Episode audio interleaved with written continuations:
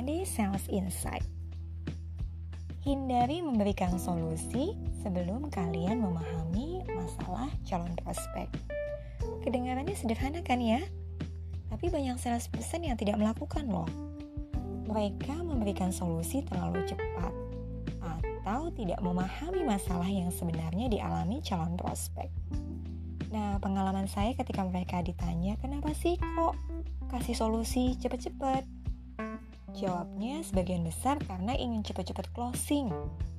Ada lagi yang bilang, karena kami dikejar-kejar target, Bu. Ya, paham situasinya.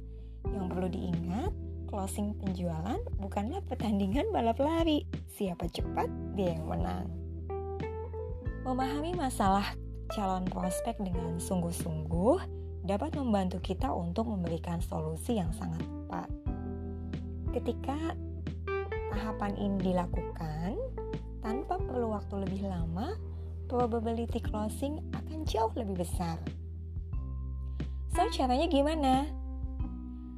Kalian bisa mulai dengan mengajukan pertanyaan-pertanyaan efektif untuk mencari masalah mereka dan ciptakan peluang kalian. Oke, dipraktekin ya. Selamat mencoba.